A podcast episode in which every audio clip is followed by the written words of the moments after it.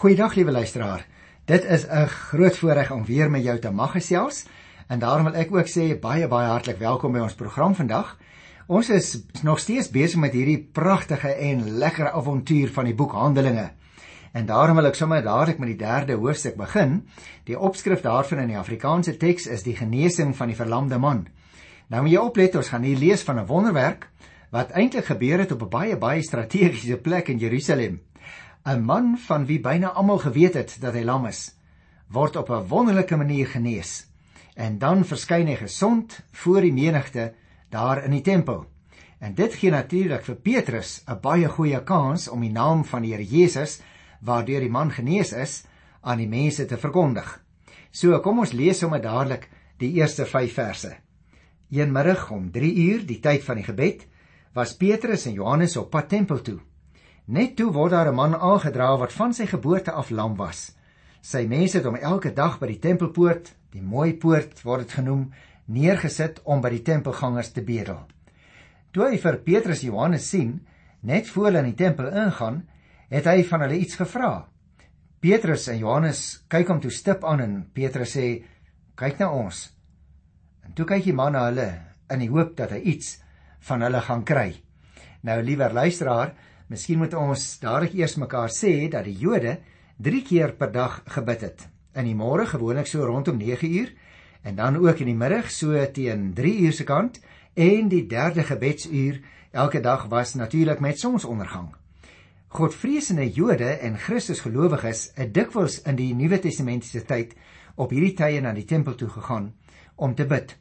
En die mooi poort was natuurlik nou een van die ingange na die tempel toe.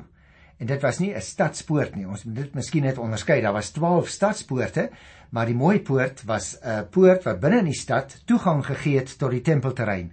En nou die mense graag deur die mooi poort in die tempel ingegaan en daarom was daar altyd baie mense daar. Die verlamde het dus juis daar gaan bedel omdat hy geweet het dat baie van die mense hom daar sou sien.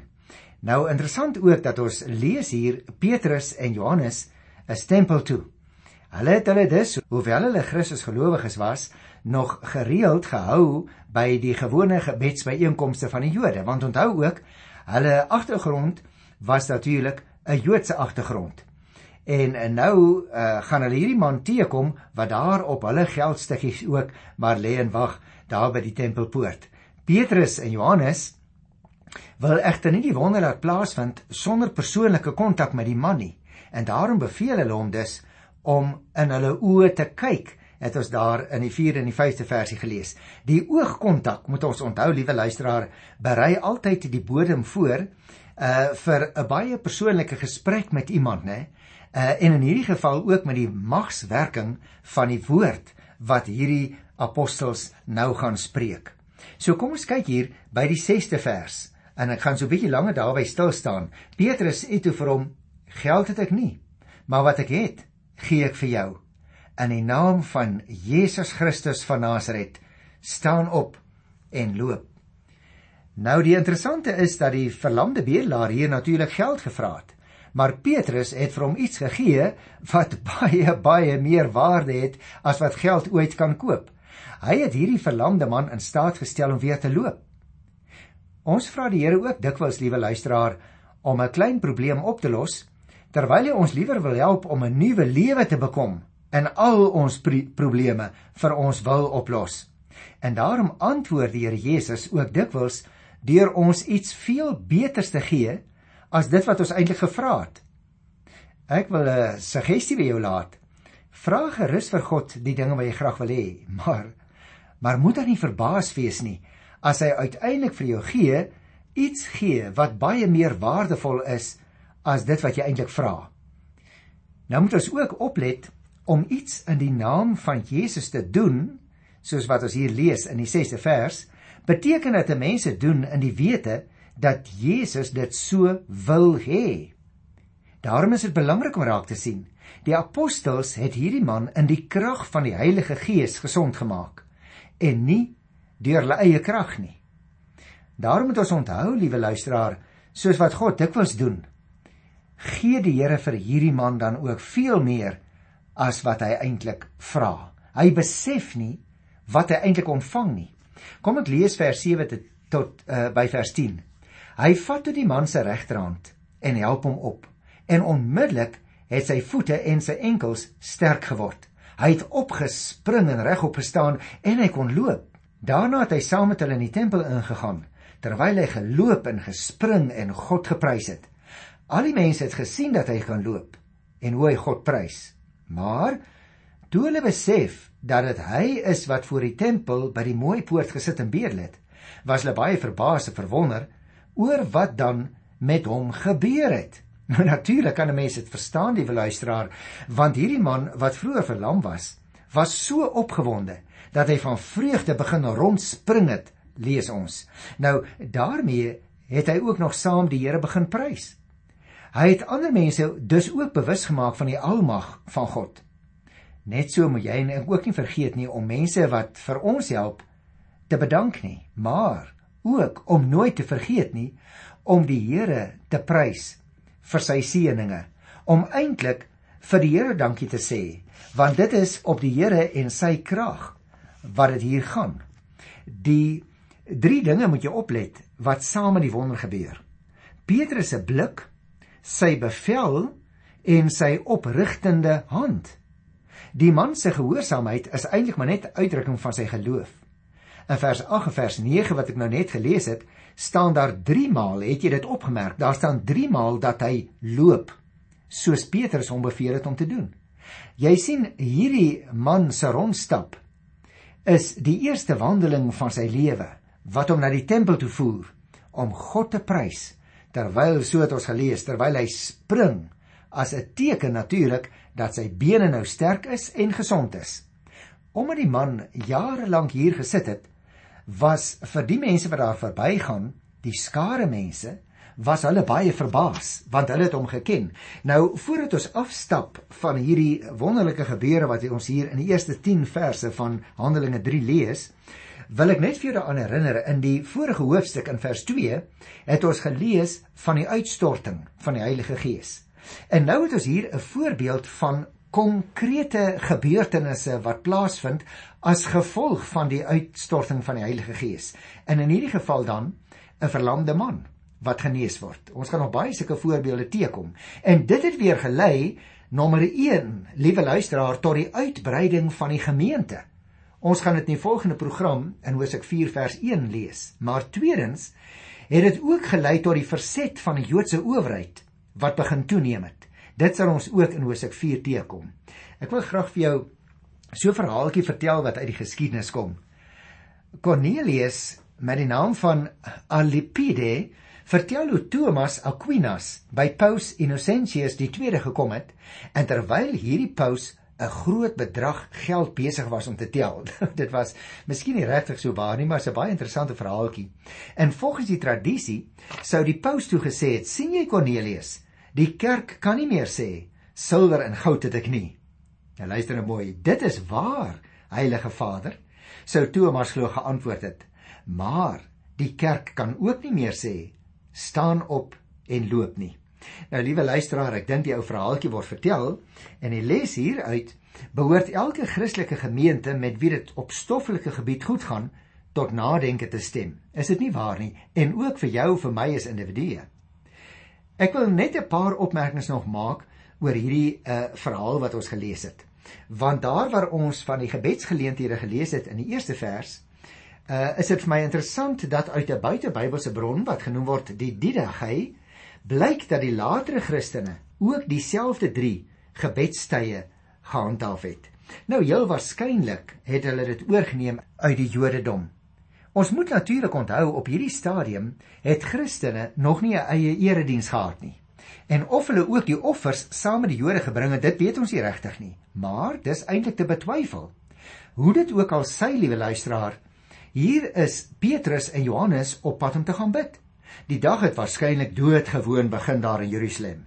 Maar hierdie middag sou egter so ongewoon eindig dat Jerusalem dit nooit weer sou vergeet nie.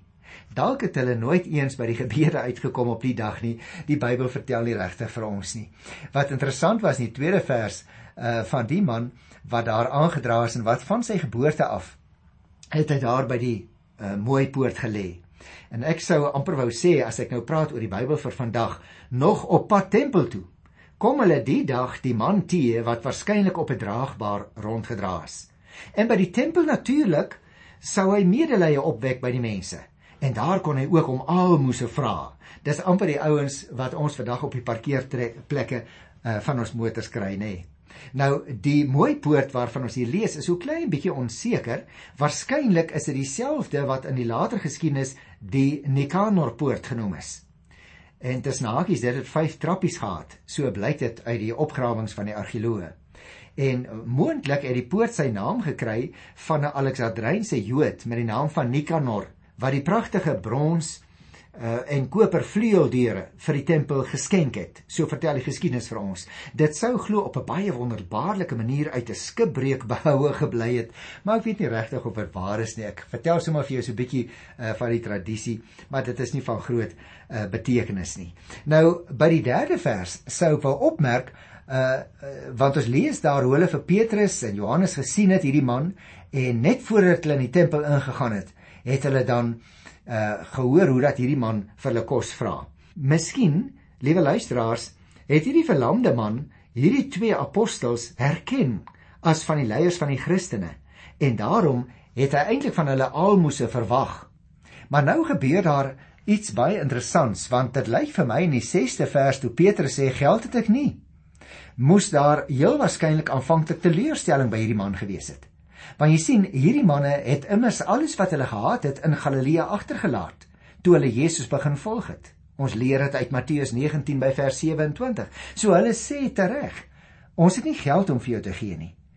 Jy sien, in Jerusalem het hulle ook eintlik niks besit nie, behalwe dat hulle die gemeenskaplike besittings van die Christene moes help verdeel. Ons gaan daarby kom in die 6ste hoofstuk. Maar hulle sê ons kan vir jou genesing gee hoe die die apostels uh, moet jy onthou liewe luisteraar is net instrumenteel want eintlik is dit die Here Jesus wat genees. Hulle kon hom nie genees nie. Ons gaan ook daarvan lees in die 3de hoofstuk by vers 16 en ook later by die 4de hoofstuk by vers 7 en by vers 10. Wat vir my opval in vers 7. Luister, hy vat toe die man se regterhand en help hom op en onmiddellik het sy voete en sy enkels sterk geword. Ek wil 'n kort opmerking uh, laastens maak, liewe luisteraars, ten opsigte van hierdie onmiddellike genesing. Want jy sien in ons tyd word daar ook baie daaroor gepraat. En soms kyk mense na hierdie soort genesing en dan sê hulle dit is hoe die Here Jesus 'n mens genees. Maar ek wil dadelik vir jou sê, liewe luisteraar, daar is nie 'n vaste patroon waarop God te werk gaan wanneer hy mense genees nie. Let op die Here Jesus byvoorbeeld. Hy het soms net 'n woord of enkele woorde gepraat. Onthou jy Matteus 9 vers 6, daardie verlamde man in Kapernaum, of Matteus 12 vers 13, die man met die verdorde hand. Die Here spreek net, die verlamde man in Kapernaum is genees, die man die, met die verdorde hand word genees. In ander gevalle het die Here Jesus nie net gepraat nie, maar hy het ook mense aangeraak. Matteus 9 vers 29 vertel vir ons van die twee blinde mans wie se oë hy aangeraak het. In Matteus 8 vers 3 vertel vir ons van 'n melaatse man wat hy ook aangeraak het. Dan is daar ook nog die gevalle waar die Here Jesus iets gebruik en waar mense nie dadelik, soos ons hier lees, onmiddellik genees is nie. Onthou jy nog Johannes 9 vers 6? Daar uh, lees ons in die Bybel van 'n blindgebore man. En die Here Jesus het eh, 'n uh, bietjie klei gevat Hy het gespuug daarop, hy het dit aangemaak, soos ook byvoorbeeld daar by die bad van Siloam. Wil jy nog 'n voorbeeld noem? Markus 8 vers 23 ontmoet ons die blinde man by die bad van Bethesda. En die Here Jesus het ook 'n uh, spuug in hierdie man se oë gesmeer en hy het hom ook die hande opgelê. En hierdie man kon nie dadelik baie goed sien nie. Hy het gesien die mense loop soos bome rond. En toe die Here Jesus hom 'n tweede keer die hande opgelê. Hier lees ons in Handelinge 3 hoe dat die apostels hierdie man opgerig het. In Handelinge 5 vers 15 gaan ons die voorbeeld kry hoe Petrus se skaduwee op iemand geval het en hy het gesond geword. Jakobus 5 vers 14 vertel vir ons dat die ouderlinge olie aan mense moes smeer met aanroeping van die naam van die Here.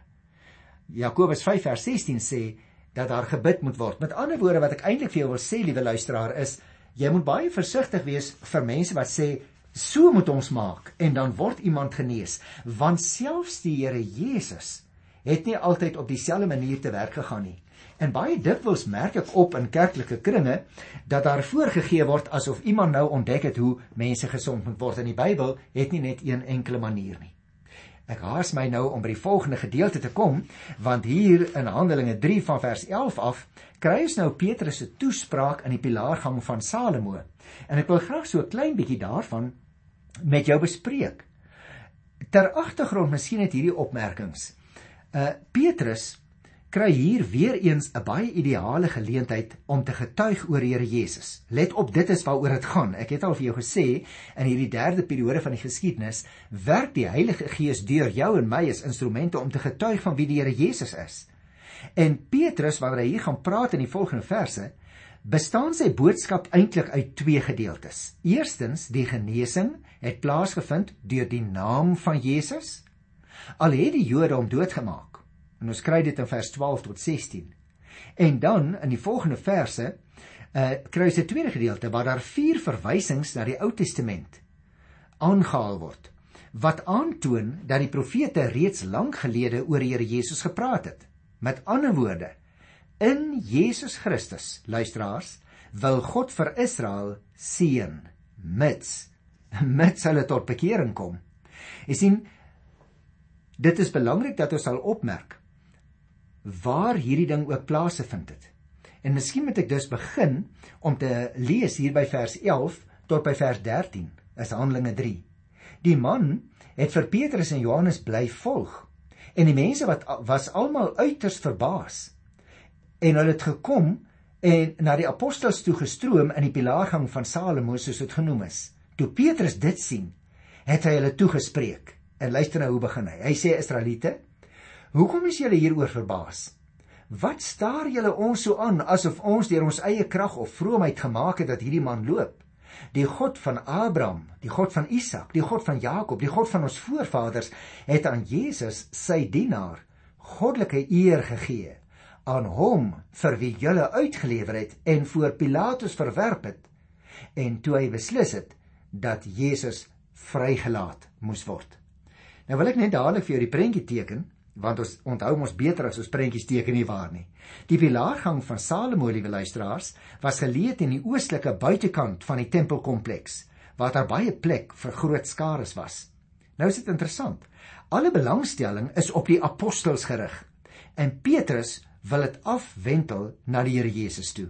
Jy sien die eerste twee frases van vers 13 is juis aanhalinge van Eksodus 3 vers 6 en ook Eksodus 3 vers 15 wat beklemtoon dat dit die God van Moses is wat in en deur die Here Jesus handel. Jesus word hier die dienaar van die Here genoem. En natuurlik is dit 'n verwysing na etlike gedeeltes in Jesaja, byvoorbeeld Jesaja 52 daarvan vers 13 af. Jy kan gerus gaan lees tot by Jesaja 53 vers 12, want daar kry ons elke keer die beeld van die dienskneg van die Here. En daarom, die dienaar in Jesaja is 'n geheimsinnige figuur wat 'n middelaarsfunksie tussen God en die mense beklee en gevolglik moet hy ly en sterwe vir die sonde. Nou sê Petrus, Jesus is hier die dienaar van wie Jesaja gepraat het. En God het aan Jesus, so sê Petrus, goddelike eer gegee, onder meer deur die genesing van die verlamde man. En luister nou uh, na die 14de vers.